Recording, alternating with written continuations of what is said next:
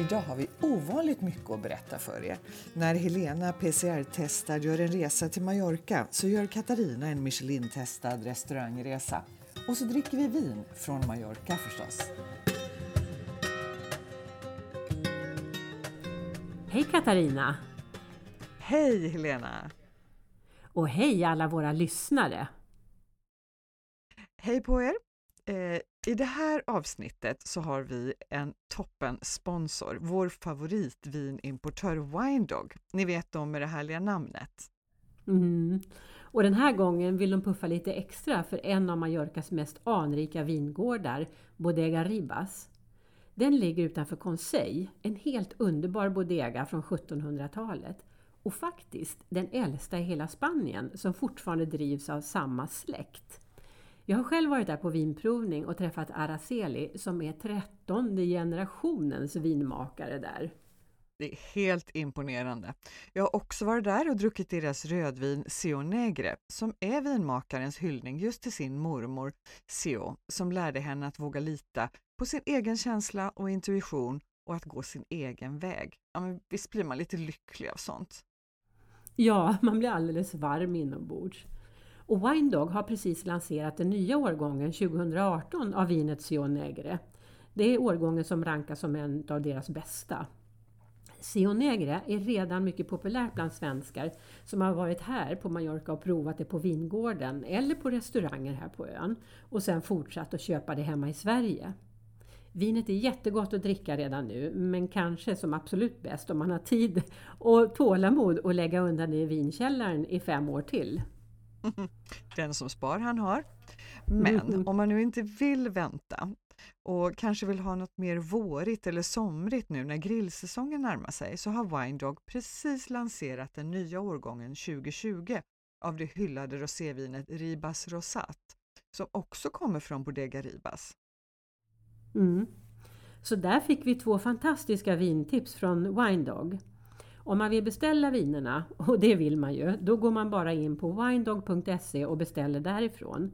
Och vi vill också tipsa om Winedogs Youtube-kanal där man bland annat hittar en provning av Araceli där hon berättar om både vinet och sin mormor. Missa inte det! Youtube-kanalen heter Winedog Dryckeshandel. Men vi lägger förstås ut länken både till den och winedog.se på vår Facebook-sida. Det gör vi. Och så skickar vi ett stort tack till Winedog. Och den sponsorn är ju faktiskt helt perfekt för det här avsnittet eftersom våra tema den här gången är Michelin-krogar. Tada! Mm. Älskar det temat, men stopp och belägg. Innan vi kastar oss in i gastronomins värld så vill jag höra allt Helena om din resa och om Mallorca just nu. Ja, för nu är jag på Mallorca igen och jag reste hit för ett par dagar sedan och åkte hit med en väldigt tidig flight ifrån, eh, ifrån Arlanda. Klockan 6.10 gick planet. Åh, fakirflyg! Ja, precis.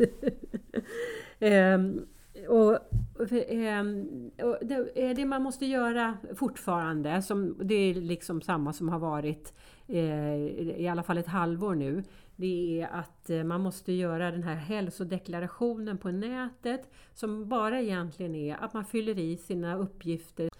Och det är väldigt enkelt, så då får man liksom den här QR-koden som man måste visa upp. Och eh, sen behöver man dessutom då ett PCR-test som visar negativt, det vill säga som visar att man inte har covid-19. Mm. och Eh, det, här måste, det här får inte vara äldre än 72 timmar. Okej, okay, och var tog du det testet? Jag tog det på en vanlig så här vaccincenter. Det, I Stockholm har vi något som heter Svea Vaccin till exempel. Och då fick jag betala 1600 kronor för det. Men då fick jag reda på, när jag redan hade gjort det, så fick jag reda på att SAS, om man har en biljett med SAS, så har de ett avtal med en klinik där man kan gå och göra det här testet subventionerat då för 995. Mm, det har jag också läst. Mm. Ja, precis. Så att det kan vara bra att veta. Att flyg, kanske fler, fler flygbolag än SAS som har något sånt. Men, och hur, eh, när, hur lång tid tog det innan du fick svar?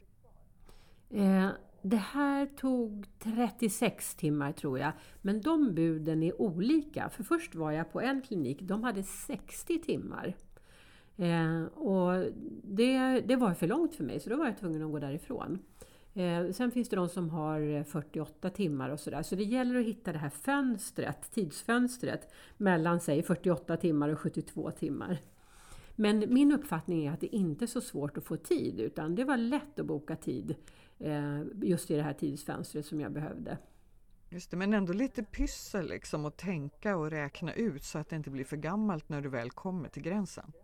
Ja precis, och man får ju tänka också att eh, planet kan ju vara försenat och då vill man ju inte ha ett för gammalt test. Men du ska veta att de kontrollerar ju inte särskilt noga. Det räcker ja, men hur, nästan... hur går det till? Var, var, eh, alltså när du har landat, vad händer på flygplatsen? Första kontrollen, den kontrollen är bara eh, att man har papper. Så då för, hon som står där frågade mig Har du PCR-test och har du gjort ditt hälso, din hälsodeklaration? Ja, sa jag och så viftade jag lite med papperna. Och hon brydde sig inte om att kontrollera det utan bara slussade mig vidare. eh, nej men hon, var, hon ville väl bara liksom, hon, hon, vill nog bara att det inte ska liksom samlas upp folk eh, nere vid kontrollen sen som inte har eh, så, att, så där var den första kontrollen då. Sen är det ytterligare en kontroll då på Son San Juan och eh, där tar de tempen, alltså en sån här värmekamera direkt och, eh, och så, så kontrollerar de papperna lite slarvigt får jag säga. Mm, var det i samband typ med passkontroll, alltså någon slags passkontroll innan ja, du får det, din väska? Det? Ja precis, det, det, är ju inte någon kontrollstation utan det är en tillfällig eh, det är ju bara bord som de har ställt upp där och så lite sådana här band. Så att man, mm. Eh, men, eh, men det är innan bagagebanden i alla fall. Så att det är innan man hämtar ut sina väskor. Okay. Mm. Och, och det som jag har hört det är att det finns möjlighet att testa sig på flygplatsen också. Och jag är lite osäker på Eh, vem som har rätt att få göra en sån test. För, men är du resident här och inte har ett giltigt PCR-test när du kommer till Son San Juan, då måste de ändå släppa in dig. Så att då kan man göra ett PCR-test på flygplatsen. Ja, just det. Jag har några kompisar som ska köra bil ner och ja. Eh, har bokat färja över till Alcudia. Och där har de ja. fått besked om att de kan göra ett test när de kommer till hamnen. Ja, just det. Mm. Ja, för det blir ju jättesvårt att ha, eh, att ha ett test som är eh, yngre än 72 timmar om man har bilat genom Europa. Ja, nej men det funkar ju inte alls. Nej. nej. Jaha, vilket äventyr! Men nu är du i alla fall på plats, du blev insläppt och accepterad och nu måste du berätta, hur är det? Ja, alltså det är ju jättehärligt att vara här och det är ju vårkänsla verkligen i luften. Eh, det är mellan 16 och 18 grader, strålande sol. Det är faktiskt lite snö uppe på de högsta topparna på eh, Tramontanabergen, men eh, det är bara vackert. Ah, vad och, härligt. Men då måste jag ju kontra lite med att vi har vårkänsla här också faktiskt. Ja, så har ni mm. det? Ja, men vad härligt! Ja. Det, Sådär ja. en 11-12 eh, grader och jag hade vita sneakers på mig idag för första gången. Jaha, ja men... Vårtecken! Ja, vad härligt! Ja, ja men då, då är det inte så stor skillnad. 12 grader eller 16 grader, det är inte så, så stor skillnad. Men eh, jag var i alla fall ute och joggade i morse och, och eh, det tror jag inte jag skulle vilja göra i Stockholm just nu. Nej, och jag vet att din sol värmer lite mer än vad min gör. Ja, ja det gör den. Mm. Men du, hur, hur är känslan? Ja, men känslan är lite... Eh, alltså, den är lite frustrerad. Det är för att de här reglerna, de svänger fram och tillbaka hela tiden. Och nu är det ju bara en knapp vecka sedan, tror jag, som eh, restriktionerna lättade lite och restaurangerna fick ha öppet även inomhus. Eh, för hittills har de ju bara fått ha öppet på uteserveringarna.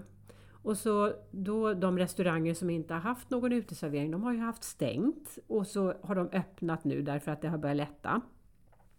Och igår kom beskedet att nej men nu stänger vi inomhusrestaurangerna igen. Och det ska beslutas om idag då. Så vi får se. Idag är det tisdag när du och jag spelar in. Vi får väl se hur, hur det eh, blir med den saken. Men eh, tänk om de måste stänga inomhusrestaurangerna igen och då har de tagit in personal och allting och liksom köpt in råvaror och ja, du förstår att de är frustrerade och förbannade helt enkelt. Ja, det är klart. Aha, ja, det, det var ju väldigt, väldigt märkligt. Ja, men är det så att smittan har vänt uppåt igen då? För att de har ju haft fantastiskt fina kurvor som går ner hela tiden på Balearerna, eller på Mallorca ja, i alla fall.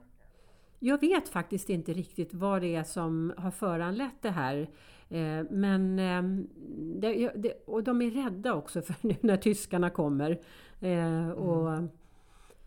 Jag läste att alla tyska flyg var fullbokade och att man räknade med att det skulle komma 30 000 över påsken. Ja, ja men vet du, när jag landade på San Juan, då, eh, så när jag gick ut, då kom, precis, då kom jag precis med det första tillsammans med det första planet från Tyskland. Så att vi gick ut genom dörrarna samtidigt och det var, pressen var där, massor med filmkameror och ehm, eh, eh, folk som stoppade och frågade Are you from Germany? du är säker på att de inte var där för din skull? Nej, och de, konstigt var att jag stod still där ett tag för jag höll på att blippa på min telefon och skulle kolla lite grann med, med eh, busstider och sådana saker. Du stannade framför kamerorna. Precis, men de brydde sig inte om mig. Så då, då, och då tänker jag så här, då såg de att jag inte var tyska, eller hur? Eller fattade de helt enkelt inte vilken superkändis du är?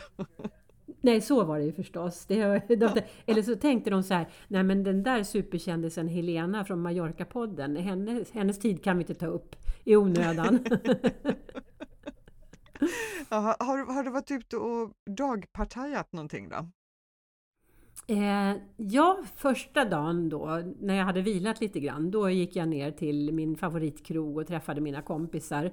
Och så eh, åt lite lunch och sådär och tog det lite lugnt och så. Men efter, ja, när vi suttit där någon, en och en halv timme eller någonting, då tänkte vi att nej, men nu får vi allt ha ett glas vin. Så det blir lite eftermiddagspartaj där faktiskt. Men jag var hemma gott och väl till klockan åtta. Och, men jag var tvungen att vara hemma före tio, för det är fortfarande klockan tio som gäller. Ja, just det. Och restaurangerna stänger klockan 17. Just det. Mm. Så vad man ska... Ja. Ja, du, eh, vi ska ju prata om eh, restauranger idag. Ja. Och det är ju så ja. att många av dem fortfarande har stängt, men jag tänker att man kan ju, då, då, det betyder ju att man får lite tid att analysera vilka man vill gå, besöka och gå in på deras hemsida och läsa och bestämma sig för när man ska ringa och boka. Just det. Mm. För Michelinkrogarna, de som har fått stjärnor här på ön, de är ju inte så himla lätta att få bord på i, i vanliga fall.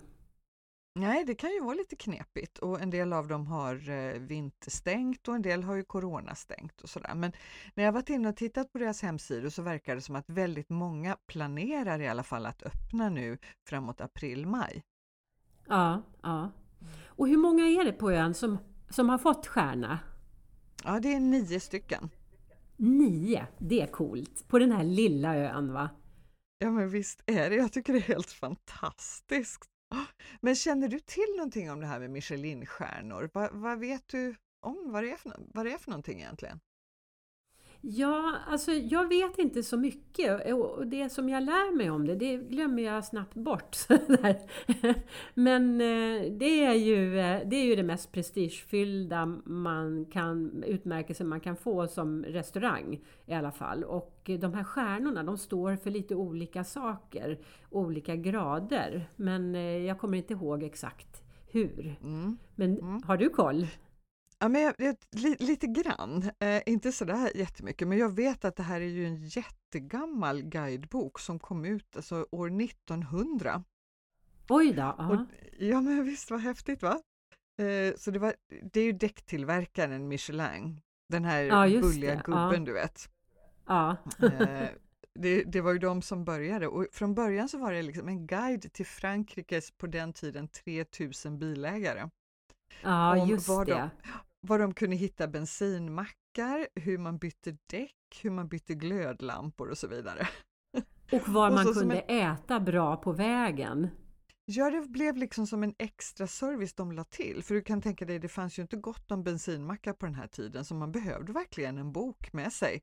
Så man visste Ja. var man skulle stanna någonstans. Ja, Och sen på 30-talet så kom stjärnorna och graderingarna. Okej, och- ja. Ja, men man kan ju få en, två eller tre stjärnor och om jag bara kommer ihåg rätt så där så är en stjärna då ett alldeles utmärkt eh, bra matställe.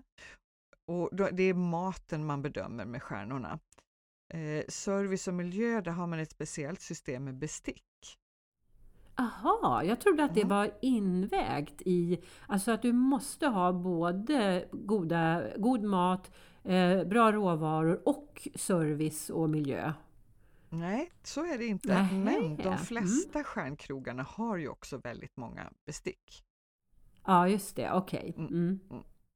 Men en stjärna då betyder att ja, men det här är en alldeles exceptionellt trevlig, eh, bra och, och välsmakande restaurang.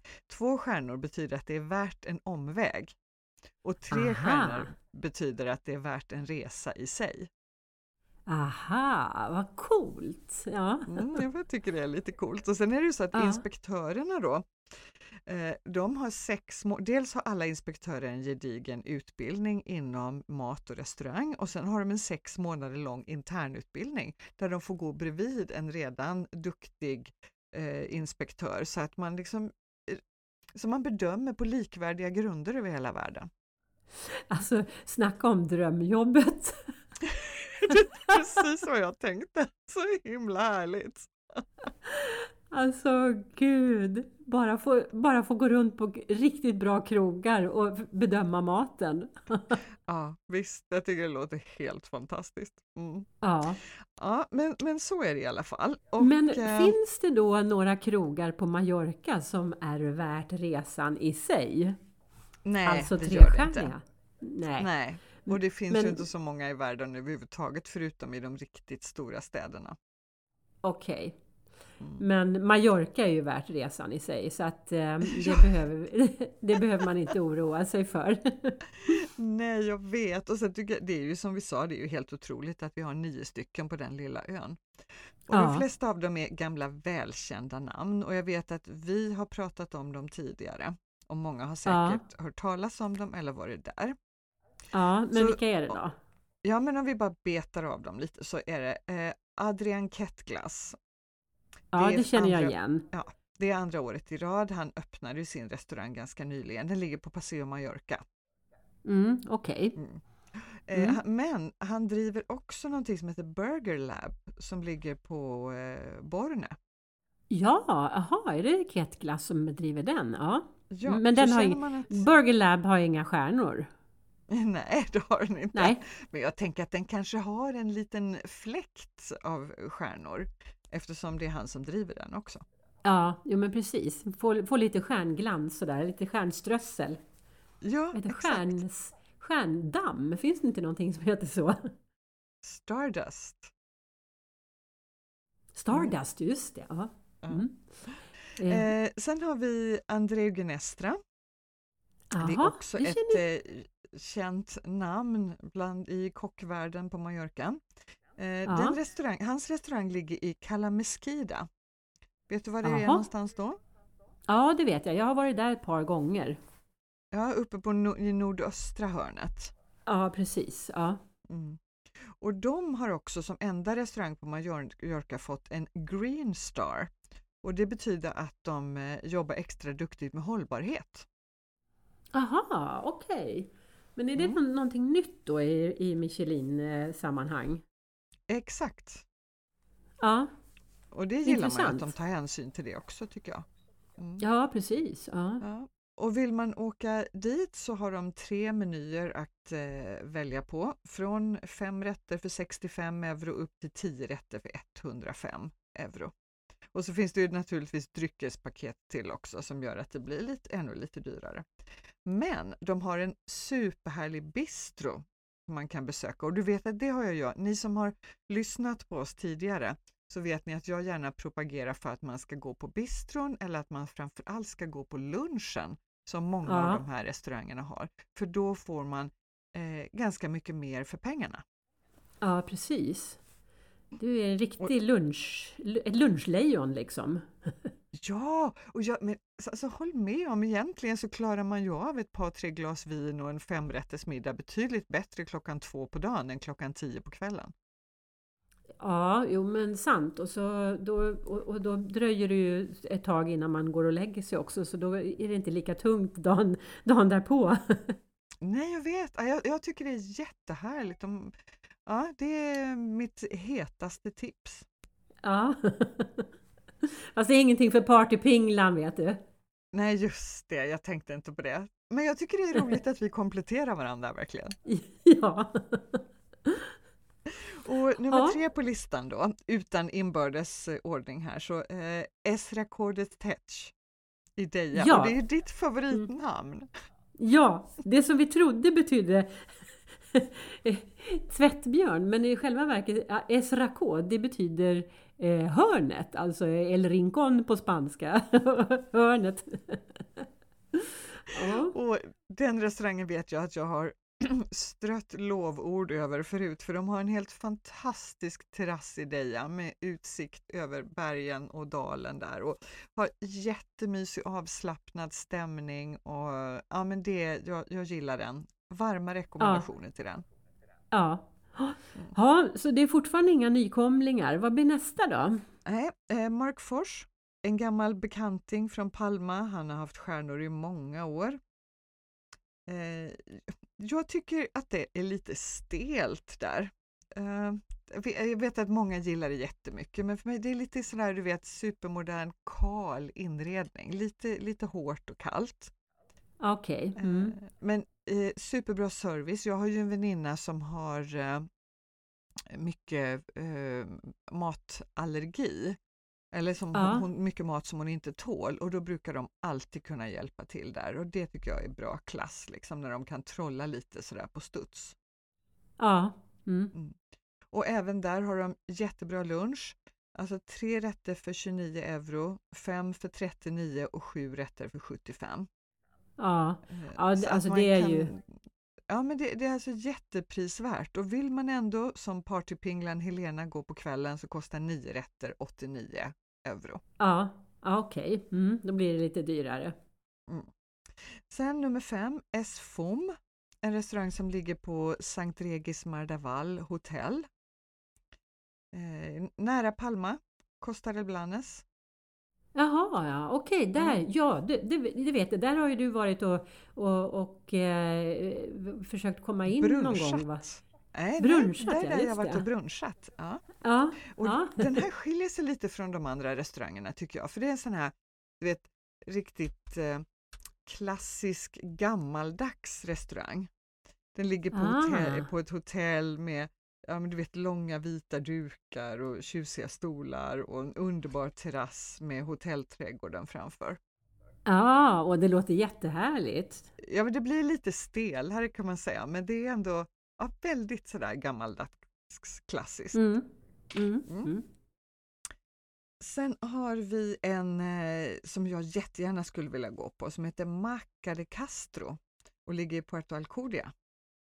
Jaha, Den hette, okej. ja, den hette innan restaurang Jardin, eller Jardin, Ja, ja. eh, men har bytt namn nu och de har en kvinnlig eh, köksmästare. Mm, det är ju lite coolt. Ja men det är ändå det. Just, det är ju så konstigt för det är ju så mycket tjejer som lagar mat men just när man kommer upp i den här nivån så är det nästan bara grabbar. Ja, alltså det, egentligen är det lite irriterande tycker jag. För jag menar det är ju kvinnor som har stått för matlagningen i alla tider. Och liksom kvinnor som har...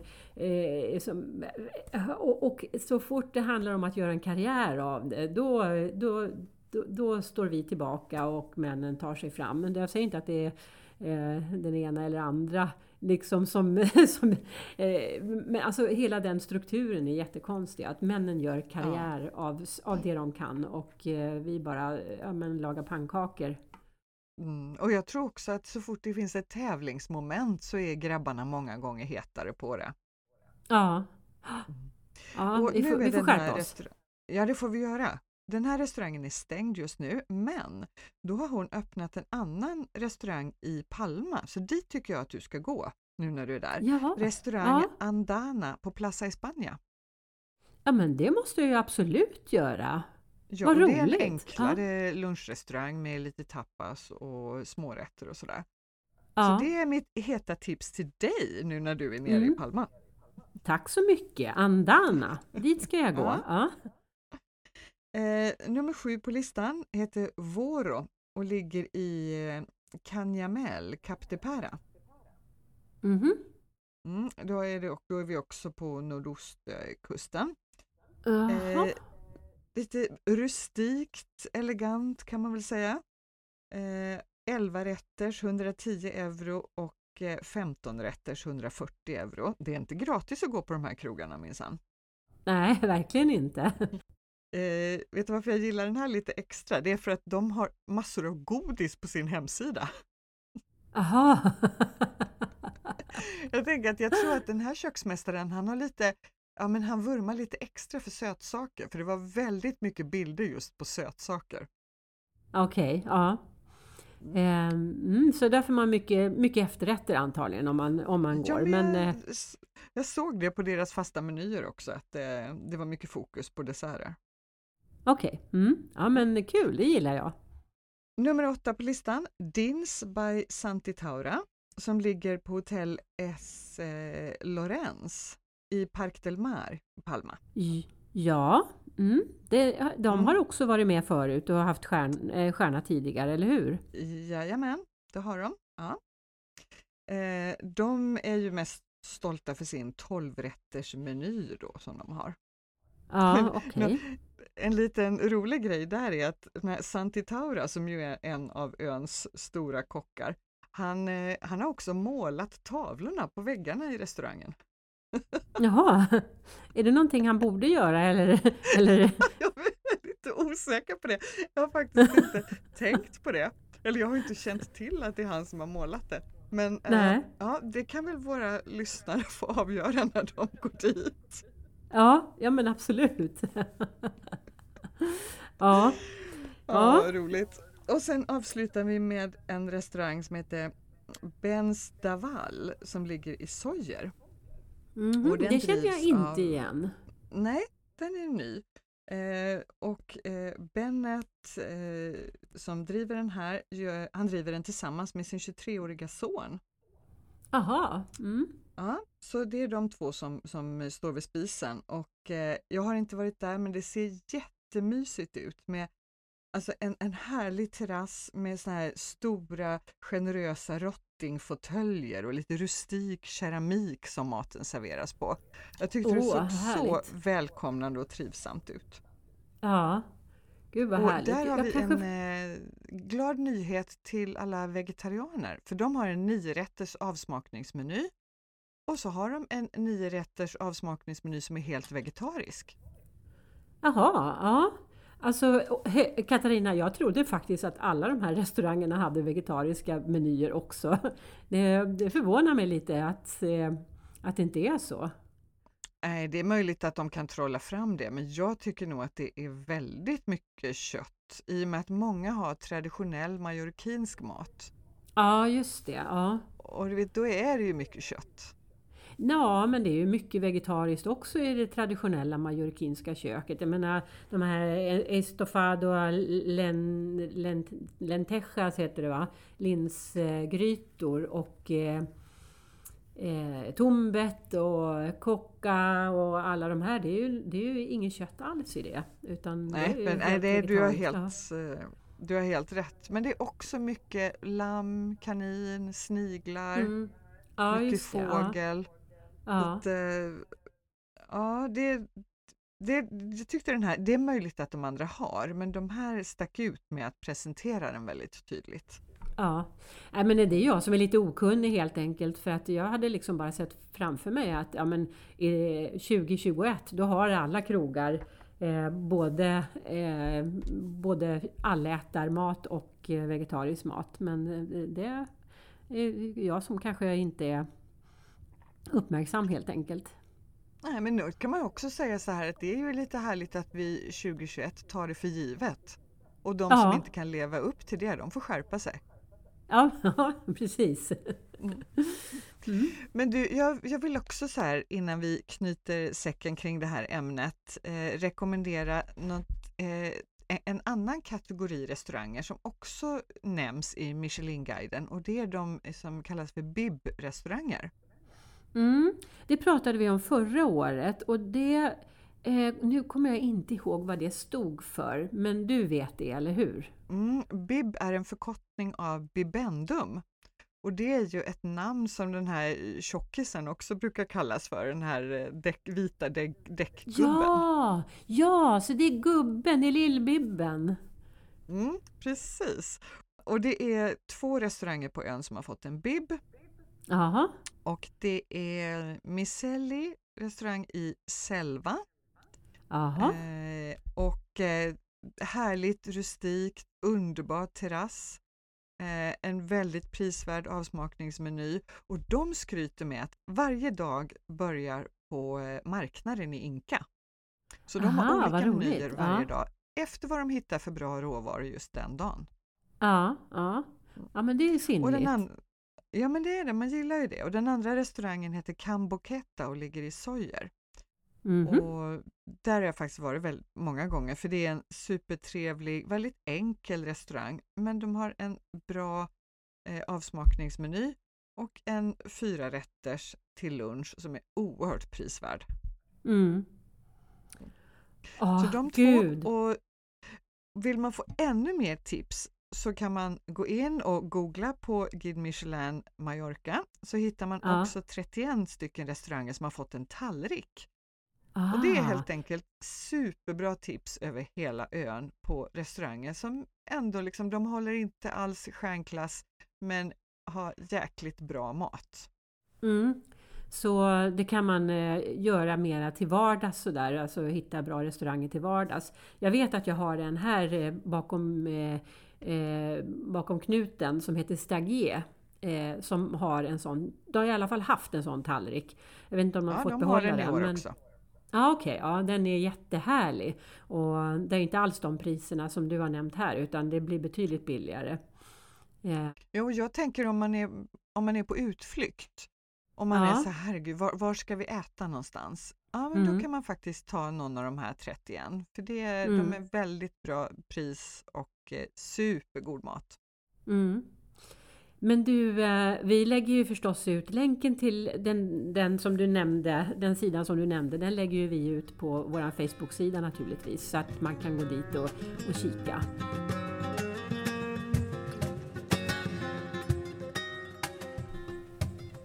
Då är det dags för veckans språkspaning. Helena, vad har du att bjuda på? Jag tänkte vi skulle prata om Michelin-gubben eh, som kallas för Bib.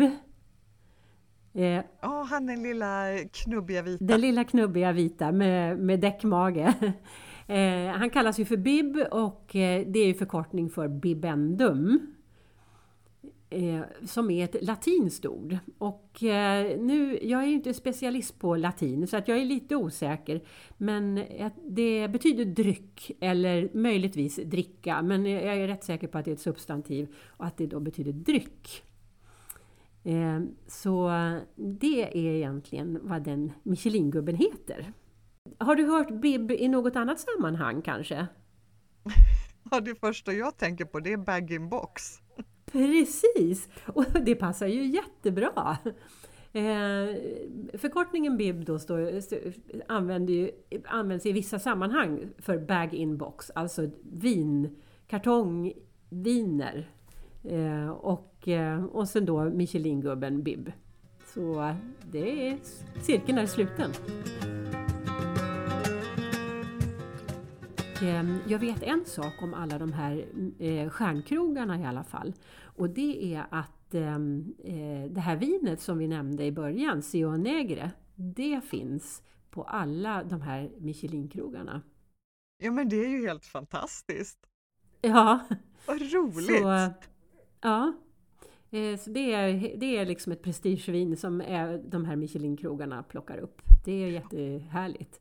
Och vill man smaka det vinet om man är hemma i Sverige så kan man beställa det på winedog.se. Just det. Men du, då var vi lite klara för idag. Ja, och det, det tog ju sin modiga tid att gå igenom alla de här restaurangerna. Men eh, vi ska försöka fortsätta med restaurangtips även framöver, men kanske inte eh, att det ska ta upp ett helt avsnitt. Och så hoppas vi att de öppnar så vi verkligen kan gotta oss åt dem. Ja. Och så hörs vi om 14 dagar igen. Du har lyssnat på Mallorca-podden. På vår Facebook-sida så hittar du alla avsnitt och under varje avsnitt så hittar du länkar till det vi har pratat om. Gillar du Mallorca-podden så får du gärna berätta det för dina vänner.